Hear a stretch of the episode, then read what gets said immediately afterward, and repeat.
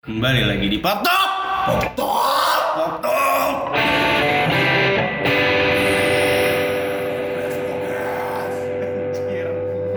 sakit anjing. Yo, kembali lagi di Pop Talk.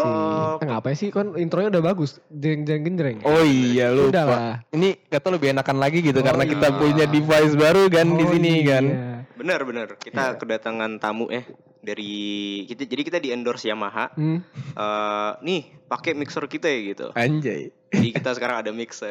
Gua berharapnya dapat motor, eh dapatnya mixer. Gak Mixer. apa-apa. Apa? Gak apa-apa. Ntar kalau motor di edit-edit dia ntar ikut MotoGP. Iya.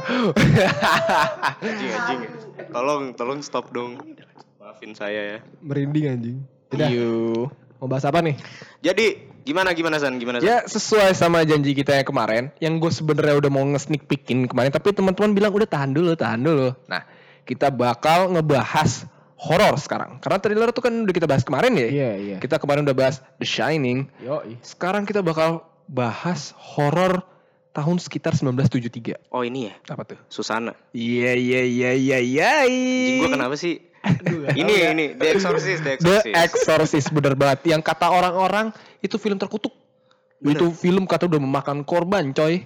Bener. gue pernah sedikit baca ya tentang itu makan korban itu bukan krunya aja tapi orang yang nonton di bioskop juga kena korban pak di situ pak serem banget ya Iya sih emang. mungkin tanpa basa-basi lagi ya karena kita udah masuk ke pembahasan dari The Exorcist kita gas aja gimana langsung ke pembahasannya dari film ini secara plot Ya. Jadi kayak biasa mungkin ya plot terus masuk ke interpretasi mungkin dari masing-masing kita terus kayak mungkin kita bisa bahas-bahas juga kenapa sih The Exorcist nih identik dengan horor. Kalau mi- mikir horor ya The Exorcist gitu loh.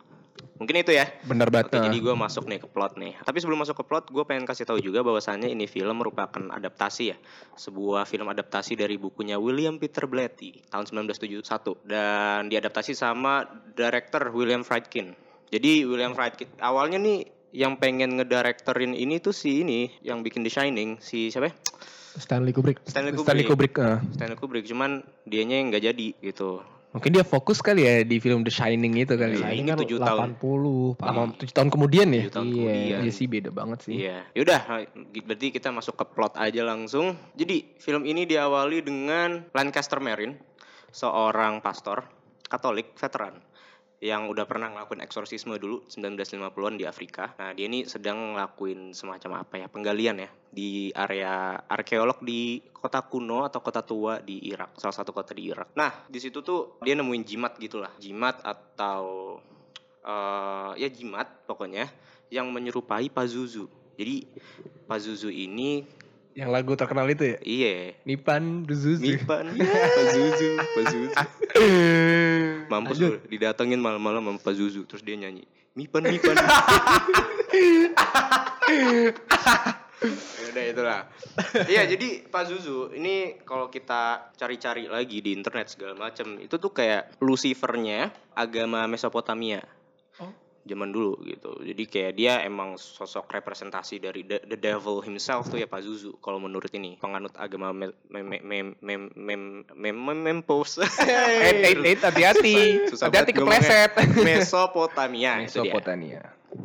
Ya jadi itu prolognya prolognya sih ya bisa gue bilang dan memang sedikit aneh kalau kalian pada tonton kayak ini awalnya setnya di Irak terus tiba-tiba di Georgetown Diawali dengan azan. dan Oh, diawali iya, Pak. dia dengan Hmm. azan kan di Irak jadi kayak sebenarnya nggak nggak ada koherensi yang nyata banget sih Masuk antara segmen awal ini dari si Father Marin Mm. ke set The Exorcist itself di yaitu di Georgetown gitu.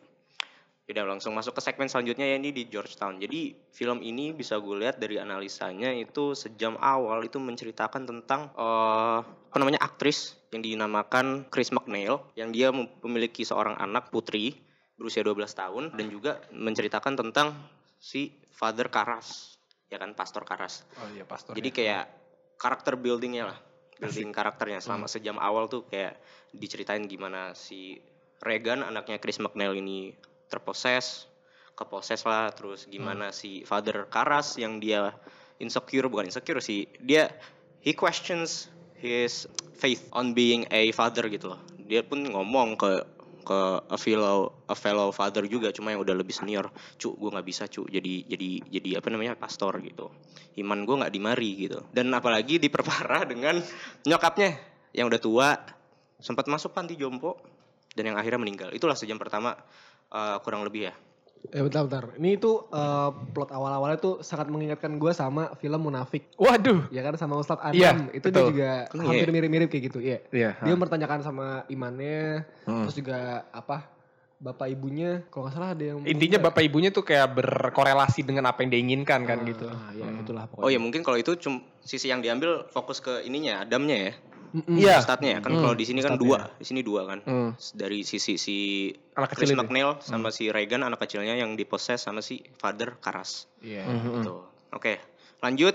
Eh, jadi intinya Chris McNeil ini merupakan seorang bintang film, bintang film eh, yang pada saat itu dia lagi syuting lah, lagi syuting disutradarai oleh temannya dan rekannya sendiri ya ini namanya Burke Burke Dennings. Terus fast forward, Chris McNeil ini punya hubungan yang sangat baik sebenarnya initially sama si Reagan sampai si Reagan ngenalin kalau dia main Ouija board. Holy fuck. Menantang dia ya. Iya, terus nyokapnya nanya.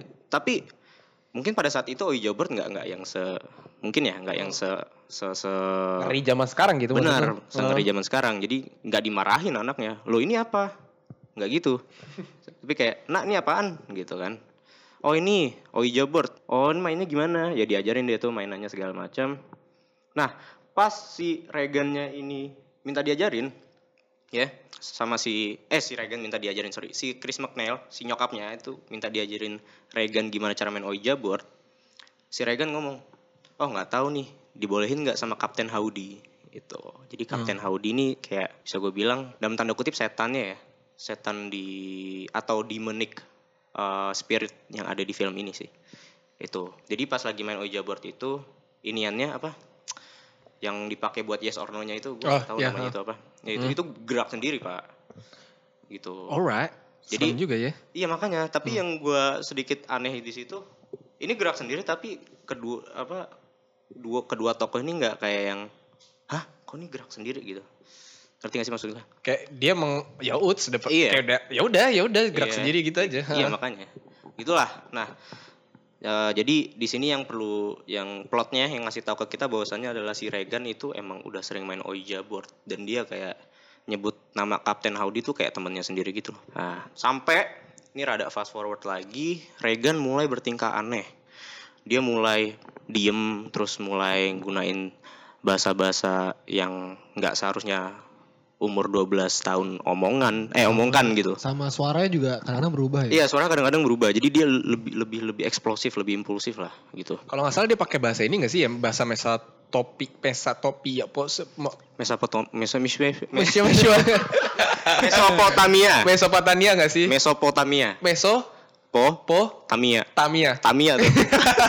Iya pakai bahasa Mesa Mesotopa.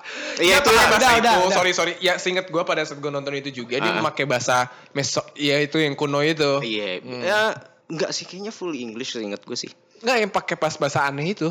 Oh iya. Ya. Oh iya bener. Heeh. Iya ada ada ada ada ada ada ada bener bener. Iya itulah pokoknya. Jadi intinya si Regan udah mulai keposes, udah mulai terinvestasi sama demon spirit ini. Holy shit. Nah, hal ini diberbarengi dengan adanya kegiatan atau aktivitas poltergeist menan duniawi atau apa ya? Bisa gue bilang kayak mistis lah. Ya, Jadi kayak supernatural, supernatural tuh dia bahasanya, ya, Wow. supernatural. Jadi kayak ada yang jalan-jalan di attic gitu. Yang disangka Chris McNeil adalah seekor tikus, tapi ternyata nggak ada apa-apa di atiknya itu. Damn. Jadi berbarengan dengan mendeterioris terdeteriorasi terdeteriorasinya ah si sorry sorry. Ter deteriorasinya si Regan karena kemasukan demonic spirit juga rumahnya kadang kayak begitu yang tadi gue bilang. Nah, Chris, si Chris McNeil, nyokapnya waktu itu ngadain pesta di rumahnya, di, di mana Regan tuh turun tiba-tiba, jadi lagi rame jal, lagi rame, terus turun tiba-tiba ngomong ke salah satu tamu pestanya, kayak, nah tamunya nih seorang astronot gitulah, terus dia ngomong kayak, lu bakal mati di atas sana, terus sambil kencing, sambil berdiri, Holy. Cewek loh. cewek, Kencing gue diri. Kamali bego. Apa kita ngomong kultur Indonesia ya mungkin ya. Lanjut lanjut lanjut. lanjut. Mother Mali. Gua lanjutin lagi. Kak, boleh dilanjutin gak Ya, kak? ya, ya, sorry, sorry. Ya itulah. Itu terus um, di sini udah mulai kelihatan banget keanehannya si Reagan sih. Dia udah mulai di luar kontrol. Terus juga lately juga se- selanjutnya setelah dari kejadian itu Reagan ini kasurnya udah mulai bergetar hebat lah. Terus nyokapnya jadi semakin ngeri dan along the way si Chris atau nyokapnya ini tuh nge apa ya ngekonsultasiin lah nih ke dokter gitu. Nih Reagan kenapa sih gitu. Diagnosa awal dokternya tuh ngomong oh ini mah biasa teenager lagi puber gitu. Kata-katanya kasar segala macam. Ya mungkin gua bisa mengiyakan gua yang nonton ya. Terus lama-lama kayak semakin beriringan eh, terdeteriorasinya eh, fisik si fisik dan kepribadiannya si Reagan ini itu diagnosanya juga semakin parah gitu. Maksudnya kayak misal ini semakin aneh, semakin aneh cuman pas udah dicek MRI lah apa segala macam ternyata nggak ada yang salah dengan di bagian otaknya atau sarafnya soalnya diagnosa awalnya tuh uh, gangguan saraf. Cuma pas udah dicek dengan the sophis- sophisticated technology yang ada di dunia medis pada saat itu kayak nggak nunjukin apa-apa. Sampai pada saat dokter, dokternya itu sama dok temennya temennya juga, jadi berdua dokter ke rumahnya Chris McNeil yang di mana nemuin si Reagan di kamarnya jadi udah udah ini nusuk-nusuk mohon maaf eh, nusukin alat genitalnya dengan salib Damn, what the hell? dan ngomong fuck me fuck me gitu. Oh iya. Nah di situ semenjak dari situ akhirnya dokter-dokter eh, nyaranin buat oke ini kayaknya harus dieksorsis karena kemasukan anak lu. Hmm. Gitu. Semakin yakin ya. Semakin semakin yakin semakin di depan. Ya, iya. Yoi, Terima Yamaha. kasih untuk sponsor kita Yamaha MGI 166 Checks. ya deh itu up until that point ya si Reagan ini udah kayak yang makin makin parah lah makin parah terus dia sering dikasih sedatif lah ba- zat sedatif Apa untuk tuh zat sedatif? untuk untuk menenangkan soalnya kan Oh. jadi kayak eh, dianya kan eh, jadi sering banyak gerak lah segala Hmm. macam terus ngomong kotor segala macam gitu ya kan Hmm. Nah akhirnya di dia diikat di apa namanya ruang tidurnya di kamar tidurnya while heavily sedated. Nah pada saat itu ya pada saat itu Chris lagi di luar nih nyokapnya tuh lagi di luar. Dan Burke Dennings yang tadi gue bilang uh, sutra- sutradaranya ya soalnya kan Chris McNeil aktris kan yang lagi kerja sama sama Burke Dennings. Nah Burke Dennings waktu itu lagi di rumahnya Chris berdua aja sama si Reagan. While Reagan-nya tadi yang gue bilang heavily sedated gitu. Nah pas Chris balik ini ada scene-nya gitu kan. Pas Chris balik tuh jadi kayak di dekat rumahnya itu jadi kayak ada yang ngerumunin gitu di pinggir jalan. Kayak ada orang meninggal. Soalnya ada polisi juga. Ada ambulans juga kan. Ada bendera kuning juga tuh ya. Ada juga kayaknya. Corner. Hmm. ya itulah. Nah pas si Chris masuk rumahnya nemuin lah kok Burke nggak ada. Terus kamar anak gua jendelanya kok kebuka. What the hell? Terus dia ke bawah ngomong sama pembantunya, nanya sama pembantunya, loh Burke-nya mana? Terus kok kamar anak, terus kok kamar si Regan kebuka jendelanya, lu di mana? gue lagi pergi, kan gue udah ngomong juga si Regan lagi dijagain sama si Burke ini, gitu. Oh iya bener juga loh. Udah kan terus datang nih satu tokoh gue nggak tahu siapa namanya emang nggak dijelasin di film. Ngasih tahu ke Chris, cu Burke meninggal gitu, mati. Kenapa? Dia jatuh dari tangga. Soalnya dia punya riwayat ini sih. Ini asumsi ya. Riwayat heavy drinking in his past gitu. Alkoholik lah. Alkoholik gitu. Nah, filmnya itu ngajarin kita eh ngasih tahu kita oke, si Burke nih meninggal gara-gara itu. Sampai meskipun diasumsiin sebagai kecelakaan ya meninggalnya kan berarti eh, jadi kematiannya ini tuh diselidiki sama yang namanya Letnan William Kinderman. Nah, Kinderman ini ngewawancarain Chris bahwasannya kayaknya si Burke matinya nggak kecelakaan. Oh. It's some it's bigger than Some accident. some accident, Hmm. some random accident gitu. Dan dia juga konsultasi sama dengan Father Karas. Karena Father Karas ini selain dia juga sebagai pastor, kerjaan sebelumnya tuh dia sebagai psikolog gitu loh, psikiater sorry. Psikiater apa psikolog, psikolog ya? Eh, psikolog ya? Kayak psikiater ya. Gitu. Jadi dia a psychiatrist turn to father gitu. Oh, iya. Jadi dia juga konsultasi sama dia yang mana yang pada saat itu si yang tadi gue bilang si Father Karras itu lagi ini ya kan questioning his own faith gitu. Whether he is a you know suit being a father atau enggak gitu. Apalagi nyokapnya meninggal gitu. Nah, selanjutnya Chris akhirnya kayak nyamperin lah. Dia tuh kan tadi gue bilang dia direkomendasiin ini kan harus eksorsis kan sama dokter-dokternya kan. Nah akhirnya dia nanya-nanya dan this action leads to her meeting sama si Karas Father Karas. Nanya-nanyain tuh tolong dong please anakku. Singkatnya ya gitulah minta bantuan untuk dieksorsis anak anak gua gitu. Nah si si si si si siapa namanya Father Karas ini sebenarnya awalnya nggak mau. Dia kayak ya gue lagi ya bayangin lu seorang pastor tapi lu lagi questioning your faith dan hal yang satu hal yang bersamaan lu disuruh ngeeksorsis orang. Yang di mana pada saat itu eksorsis dianggapnya praktik kuno. Iya. gitu. Mau gimana kan? Gitu. Akhirnya tapi dia mau nggak mau karena dia orang yang baik ya dan seorang father juga at the end of the day dia yaudah samperin samperin dulu lah Regan ya pas disamperin ya memang akhirnya eh, Karas percaya bahwasannya oke emang harus dieksorsis Ini Nih, bocah nih emang udah kelewat pak. Di bocah, adegan ah. itu emang udah parah banget. Mm-mm, nih bocah udah harus dieksorsis gitu kan Apalagi, cuman apalagi tuh setelah adegan yang dia jadi spider gak sih? iya bener ha Itu yang apa ya pada saat itu kan juga udah yang menjadi titik terberat dari ibunya si anak Ha-ha. itu. iya Wah pas ngeliat pas dia jadi spider anjing. Bocah apa namanya tuh kalau Kayang, kayang. kayang. Sambil jalan gitu bro. Iya iya. Serem banget. Ke bawah tangga lagi. iya ke bawah tangga, keluar darah keluar darah lagi iya ya. keluar dari ibunya udah teriak-teriak kan pada saat itu iya. Scene ikonik sih di film ini. Iya. Parah. Ya itulah. Terus lanjut akhirnya knowing that dia nggak punya eh, experience apa apa tentang eksorsisme ya si Father Karas dia akhirnya minta bantuan ke churchnya diperbolehkan atau enggak eksorsisme boleh tapi lu harus sama orang yang udah punya pengalaman sebelumnya dan siapakah orang itu Father Kerin yang bapak-bapak di awal itu Iya, kasih tahu wah bangka itu ya Iya. Nah, jadi ya singkat cerita mereka berdua ngeeksorsis si siapa namanya? Regan. Along the process si Father Karas, eh sorry Father Merin itu meninggal karena heart attack. eh supposedly atau alle- allegedly dan di situ Karas kayak kan nyokapnya meninggal ya dan dia harus nge-eksorsis ini devil si Father Merin tuh udah ngasih tahu lu jangan dengerin Omongannya si Om- setan ini. omongan setan ini gitu loh. iblis jahanam ini Cuman dengan karakteristik film ini ya yang di mana vulgar banget bahasa si devilnya. Kayak dia ngomong gini ke Karas, Your mom sucks cock in hell. oh Ke father eh, Karas.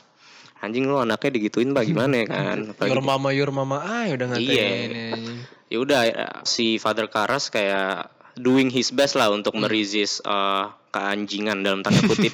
Keanjingan nih de- nih demon gitu loh ya kan? Cuman akhirnya jadi tuh Father Merin meninggalnya. Jadi kan ada di film ini di- dijelasin lagi kayak proses uh, kan eksorsisme lama ya? Iya betul lama banget. lama kan? Hmm. dan baru tahap pertama itu mereka berdua udah kecapean. Hmm. mereka berdua udah kecapean bisa gue bilang tahap pertama successful lah. Nah pas mau masuk ke tahap kedua si Father Merin itu ngeliat lagi jimat yang dia dapat pas dia lagi di area arkeolog di ini di Irak. Hmm, Irak. Yang tadi gua gua recall lagi ya tadi kan jimat ini menyerupai Pazuzu Pazuzu is the devil himself gitu loh. Hmm. Jadi kayak Father Kerin, eh iya Father Ke Merin, sorry Father Merin, akhirnya bertemu dengan that very figure yang dia temuin di Irak. Itu, itu kaitannya dari prolog sama eh, akhir film ya, bisa gue bilang klimaks dari filmnya. Nah, eh, pada saat itu juga pas mau masuk ke tahap kedua eh, eksorsisme, si Father Karas ini udah kecapean kayak anjir gue nggak bisa kayak nyokap gue disebut-sebut terus gitu. Akhirnya si Father Merin kayak "Ya udah lu di luar dulu aja gue lanjutin. Pas balik Father Karas ke ruangannya meninggal si Father Merinnya holy shit. Dengan posisi si Regan Mm-mm. the devil ketawa-tawa. Gitu kan? Terus kesel lah makin kesel anjir. Ya nggak sih? Lu sebagai Father Karas kayak anjir ini Father Merin yang udah udah udah getol banget yang udah udah udah apa ya bisa gue bilang jadi veteran banget lah dalam melakukan eksorsisme aja meninggal gitu loh dia. Dan nggak ya udahlah gue akhirnya for some reason Father Karas self sacrifice yang di mana dia eh, teriak-teriak ke Regan take me take me take me take me as in dia pengen si devilnya ke Father Karras meninggalkan si Regan. Thus completing the exorcism exorcism cuman kan masalahnya setannya Pindah. pindah doang doang. Iya. nggak cabut dia pindah Ah. akhirnya Father Karras kayak sebisa mungkin dia ya nge ya nge-sacrifice dirinya dengan dia lompat di apa dari jendela Jendela. jendela kamarnya si Regan yang ya akhirnya di, jatuhnya singkatnya dia bunuh diri demi untuk meninggalkan nih demon gitu loh Hmm. ngusir nih demon yang di mana kejadiannya tersebut adalah kejadian yang sama dengan kenapa Burke meninggal gitu kan tadi Burke meninggal katanya jatuh dari tangga ya Iya. Nah mereka tuh si Father Burke sama eh Father Burke Father Kara sama si Burke tuh meninggal di kondisi dan tempat yang sama. Cuma bedanya Father Karas lagi eksorsisme dan si Burke mungkin bisa gue bilang dilempar aja sama si Regan. Hmm. Ya itu. Itu untuk plotnya dan kelar. Father Karas, Father Merin meninggal. Yeps. eh menyisa- menyisakan Father Dyer sendiri ada ka- karakter juga yang nggak gue sebut tadi karena role yang nggak terlalu signifikan menurut gue terus Regan is back to herself. Chris juga udah jadi enjoy lagi. Akhirnya mereka cabut pindah kota. Pindah pindah tempat lah cabut dari rumah tersebut. Thus ending the film Exorcist. Cuman ya pada saat penutupan ini gue juga merasa bahwa film ini agak menggantung, Pak. gimana Itu tuh? pada saat tokoh antagonisnya atau si iblis jadam Uhud ini nih yang iblis jahat ini Mm-mm. kan masuk ke dalam father siapa terakhir? Father Karas. Father Karras. itu kan. Cuman kejadiannya sama seperti pada saat iblis tuh masuk ke siapa pemabuk itu yang meninggal si Burke itu kayak I think iblisnya masih bisa merajalela. Masa iblisnya masih bisa jalan-jalan deh Yes, kayaknya. tapi seingat gua itu Burke Dennis itu didorong deh kayaknya. didorong kayaknya Hmm. Eh, Ingat gua ya. cuma i- the film wants us to think that way gitu menurut gua Nah, itu masalahnya. ha. Heeh. cuman yang lu bilang bisa juga sebenarnya bisa jadi possibility Ya, gak, ya menurut gua kalau yang masa kita mencoba mengikuti dari film ini ya, gua rasa agak sedikit menggantung di situ kayak ini kayak setannya belum kelar deh kayaknya. iya dan memang cerita poros ceritanya tuh bukan kesetannya sebenarnya kan Iya, enggak. Di Lebih- proses exorcismnya ya. Eh, per- lebih ke the, the the moments that are leading to the exorcism itself Iya. gitu loh kayak gimana si Chris showing her unconditional love buat anaknya buat m- membaik terus terus lu juga ngerasain kayak secara gradual perubahan karakter Regan dari yang sebelum diproses menjadi udah keposes terus Iya. gimana Father Karras yang going through his struggle yang yang tadi gue bilang dengan nyokapnya yang mati Nah, itu. dan questioning his faith juga dan juga ada Father Merin di situ yang akhirnya dia uh, confronting the evil that he- that dia temukan di itu Irak itu tadi Iya. Hmm. itu jadi memang film ini porosnya nggak yang ke supernatural banget gitu dan apa ya menurut lu gimana interpretasi lu tentang apa film ini tuh cuman um, ngebahas itu doang kegiatan itu doang sebenarnya Exorcism itu. Uh, dan juga uh, penyampaian ceritanya juga straightforward nggak muter-muter nggak Iya. apa iya benar Kayak kita ngikutinnya juga gampang Yep. tapi uh, yang bikin memorable mungkin itu beberapa iconic scene uh, yang kayak spider walk terus Ah, apa iya. yang nusuk-nusuk kemaluannya sendiri terus juga sama make upnya kan Gila, parah zaman banget. dulu itu serem banget pak Hmm. practical effect semua Betul betul. Dan gue juga mau nge-shout out juga sih masalah efek yang di dalam kamarnya kedinginan. iya Itu Oh, wow, iya. wow Iya. itu efeknya keren banget. Gue pernah lihat dari behind the scene emang nggak kentang gini. Ini Kayak- film nggak kentang. kayak dibikin ini iya gue juga baca sih kayak si si siapa direkturnya William Friedkin ya Ya. heeh. William Friedkin tuh nge-approach buat to get the best reaction out of his actors atau actresses itu kayak lu beneran di aktrisnya atau aktor aktornya tuh ditaruh posisi yang menyeramkan. Iya, Jadi kayak misal lagi take sebelum take Iya. itu tuh dimainin suara ini pak serem gitu. Oh, suara seperti ini ya. Ha.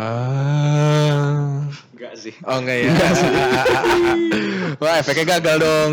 ya intinya itu dan dan yang di kamar itu gue baca juga dia kayak ruangannya emang didinginin, Iya, dijadiin kayak ah. kulkas Iya pak. Hmm. Gitu. Dan yang efek ini lagi pak yang parah banget yang di tahun 70-an segitu, tahun 73, dia bisa ngasih efek yang kasur terbang gitu, Pak. Like how you do that? Kasur goyang. itu kalau Eh, kasur kalau goyang, sorry. liat Iya. behind the scene itu kayak ada orang yang mau pas Iya, itu di iya. belakangnya Ah, ah, tapi Oh, iya. keren banget gitu maksudnya dengan cara mekanikal efeknya dia ngebuat Ya kalau zaman sekarang CGI pun juga udah cukup menurut gua, Cukup, tapi cukup. pada zaman dulu kan tidak ada. Ini kan? all out untuk zaman dulu ya kayak karena nggak ada CGI. Nah, iya itu. Makanya itu ini menurut gua uh, film horor yang Sadis. uh, bikin apa ya? Yang menjadi breakthrough lah Hmm. industri film horor. Mm. Dan yang bikin beda juga pada saat dekade 1970-an itu format film horor tuh sama kayak sekarang gitu loh. Apa tuh? Supernatural, Jump scare, jump scare, jump scare, dan gak ada yang approach secara psikologis. Kayak Exorcist ini ya. Iya, soalnya kalau lu nonton film film ini kan pace-nya lama. Betul. Ah. Bayangin film horor pace-nya lama, Pak. Nggak make sense untuk today's standard ya, menurut gue ya. Hmm. The knowledge that we have about horror film zaman sekarang ya. Hmm. Dan ketika lu gunain mindset itu dan uh, lu nonton Exorcist, lu jadi kayak nggak masuk. Menurut gue ya. Susah ke hook up ya kalau lu. Susah kok, iya bener susah keukapnya. Ini sama The Shining tuh lama. Soalnya kalau lu pada nih ya menonton film ini terus lu pengen invest diri lu di masalah jump scare di film ini. You do with something wrong watch this movie gitu. Lu Iya. salah banget nonton film ini. Mm. Dan gue juga coba nge ini ya, nge-highlight juga pada saat pemutaran film ini pertama kali, itu banyak dari reviewer film merekomendasikan untuk anak remaja nggak boleh ikut pak, nggak boleh ikut nonton, karena udah berkali-kali terjadi orang anak remaja pada saat nonton film itu di bioskop kehilangan kesadaran, cok. Iya iya iya. Orang panik ngeliat itu, ya gimana nggak kaget pak? Pada zaman segitu efek belum ada, Mm-mm. Eh, efek yang seserem itu belum ada dan ini orang ngedesain make up dari si cewek ini si Regan ini separah itu ya siapa yang tidak panik pak? Iya. Hmm. Mereka tuh uh, approach-nya kayak lebih balik lagi ke atmosfer Bener. sama uh, ini apa? Mental pak, Enggak sama sama ini apa? make up make up. Make up make up Iya, sama uh. efek-efeknya. Mm. Iya itu bener. yang bikin Iya, uh, Pak. serem tuh zaman dulu. Oh, oh. Dan surprisingly film ini masih banyak yang bilang the scariest movie of all time. I I I can agree with it. Mungkin kita balik lagi ya Kat, ke ke kata serem ini ya. Ya. Kalau serem secara jump scare, serem secara 1 2 3 detik dari ja, eh, dari munculnya sebu- sebuah setan lah misal gue bilang. Enggak se, enggak bukan film ini bukan serem yang itu. Cuman serem ngeri. Iya, ngeri- Pak, betul. Ngeri dalam artian kayak lu juga ngerasain gimana Regan ini turning into her apa demon form lah bisa gue bilang. Iya, Kayak jin, iya, iya. kayak devil jin gitu anjing. Ya intinya bukan buat uh, sport jantung lah ya. Benar. Nah, Dan yang bikin gue lebih mengerikan dari film ini karena film ini jauh lebih relatable daripada film horor zaman sekarang. Paham nggak maksud gue di sini relatable apa? Jadi kalau lu pada kehidupan kenyataan lu mana mungkin di jam scare nama setan secara langsung? Tidak. Iya benar. Ini film kayak ngambil dari kisah nyata pada orang pada saat ke possession gitu. Dan Bener. possession itu udah sering banget kita jumpai. Ya gimana kita tidak menegangkan dengan melihat seperti film seperti itu, Pak. Iya. Heeh, bener. ini kalau apa real life-nya nih pernah nih uh, SMP CX nih Anjay. yang deket SMA kita. Oh, Sampai SM 10. Iya kan SMP ada sampah masal, gitu ya? Pak. Oh iya. Oh iya, Pak. Iya, Pak. Ka- Ada, Pak. angkatan kakak gua ngalamin, kakak gua temennya tuh kena gitu. Hmm. Banyak gitu yang kena. Itu serem gak sih Pak? Lu ngelihat kayak lu kasarannya lu melihat setan di depan mata lu sendiri gitu loh Pak. Kayak gue bingungnya ini apalagi masal gitu loh. Ah, cuman kalau kita balik ya secara saintis, kayaknya gue belum pernah menemukan secara paper atau secara resume atau secara jurnal yang menjelaskan tentang masalah possession ini deh. Mungkin ada beberapa ilmuwan yang eh, berargumen kalau misalnya ini tuh bukan ada supernatural, mungkin eh, secara psikologi atau enggak Heeh. eh, apa fisikalnya dia. Ah, Mm-mm. Tapi ya nggak bisa ya percaya nggak percaya sebenarnya sih. Iya, Pak. Supernatural mah. kayak gue Iya. masih merasa diri gue apa ya? Gue tahu semua yang ada di kehidupan kita pasti bisa dijelaskan secara Iya, sains. iya. Cuman hanya satu hal dasar ini tentang masalah possession kesurupan ini yang menurut gue gue belum masih mendapatkan jawaban secara sains gitu loh pak.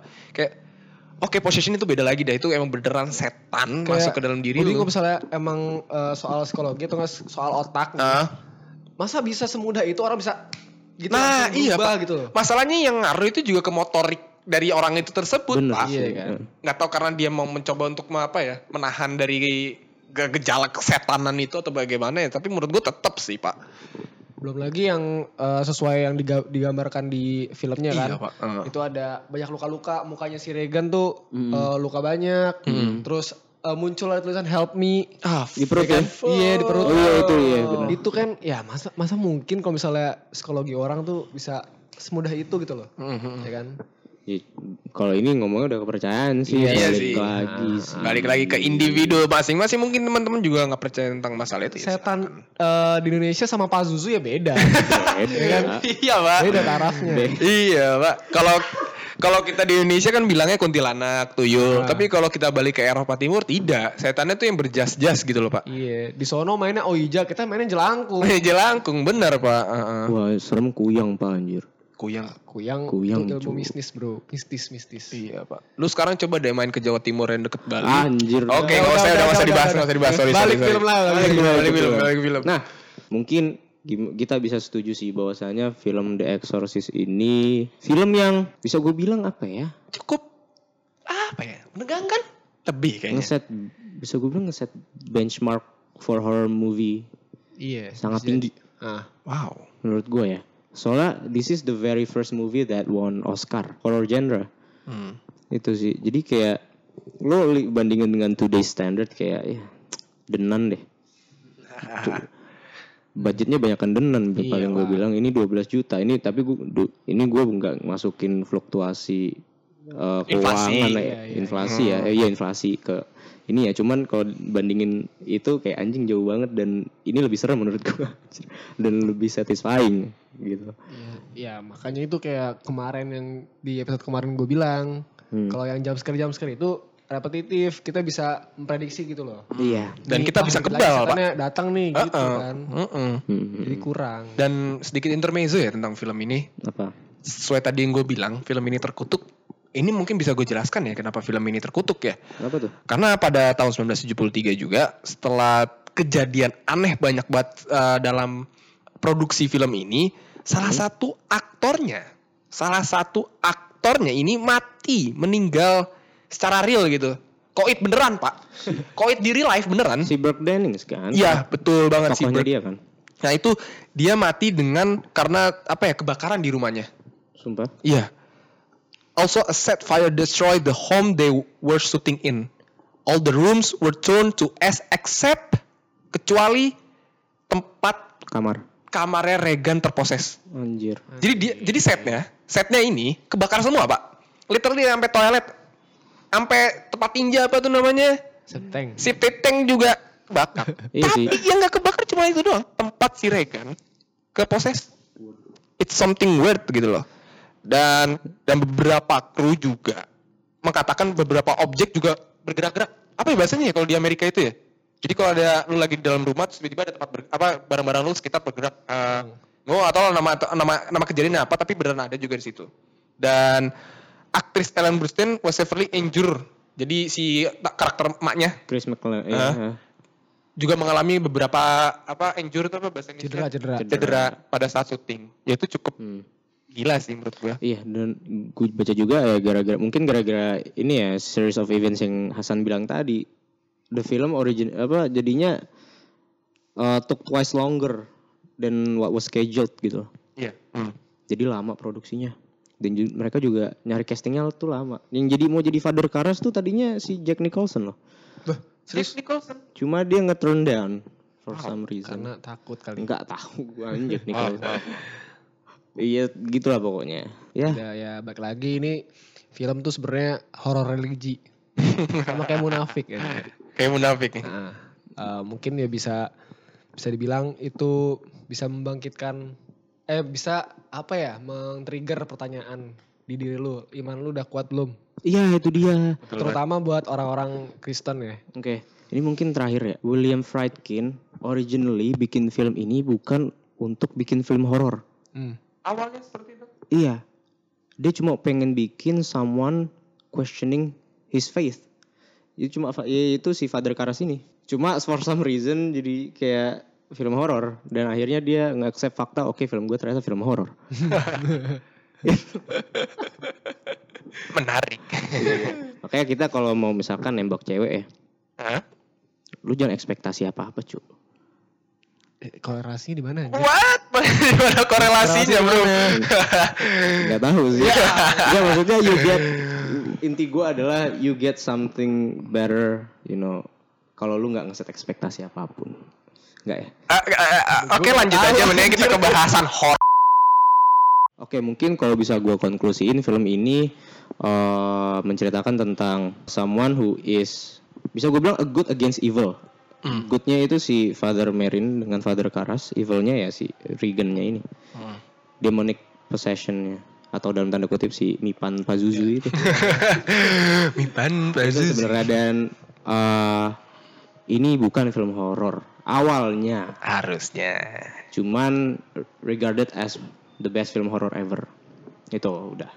Dan out of this film kayak ngebikin sosok si Regan ini tuh jadi sosok pop culture di dunia perhororan.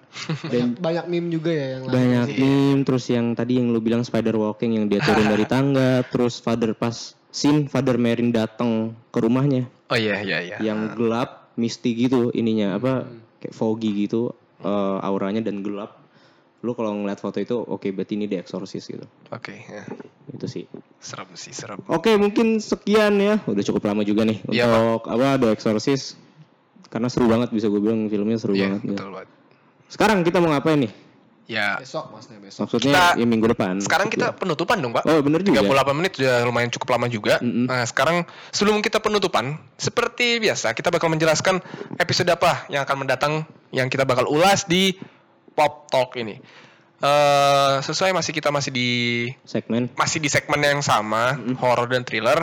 Tapi kita sekarang coba ingin membahas perkembangan horror dan thriller di Indonesia. Oke. Ya dari awalnya dari film Susana yang makan sate sampai eh, sebelum iblis menjemput dari Pevita Pierce dan Chelsea Islan. Anjay, kita bakal bahas ya pokoknya perkembangannya lah secara apa ya secara syutingnya dan macam-macam lah secara produksi dan secara apa hmm, review plot, deh. plot. Pasti juga plotnya juga. Ya mungkin segitu aja kali ya bahasan Segitu kita. aja. Ya kalau teman-teman mungkin ada masukan Mm-mm. Enggak, Exorcist biasa aja filmnya. Nggak serem Iya. kok, nggak ada jump scare, nggak seru, nggak seru, nggak seru. Iya. Ya monggo, bisa share ke kita. Kita bakal coba untuk berdiskusi lah di situ ya. Yoi. Ya mungkin segitu aja dulu. Sampai berjumpa di Mm-mm. episode ke-13. 13. Yoi, sekarang udah episode depan. 12. Terima kasih Yamaha. Anjay. Terima Oh kasih iya, brought to you by by Yamaha untuk episode kali ini. Kalau misalkan mau uh, endorse Endorse NMAX, beneran nggak apa-apa. Endorse endorse. Nmax atau uh, ini motornya Rossi juga nggak apa-apa. Aja. Ini mungkin cukup segitu aja. Seperti Cukup. biasa, kita tutup dengan doa majelis. Majelis. Wabillahi taufiq wal hidayah. Wassalamualaikum warahmatullahi wabarakatuh. Bye bye. Bye.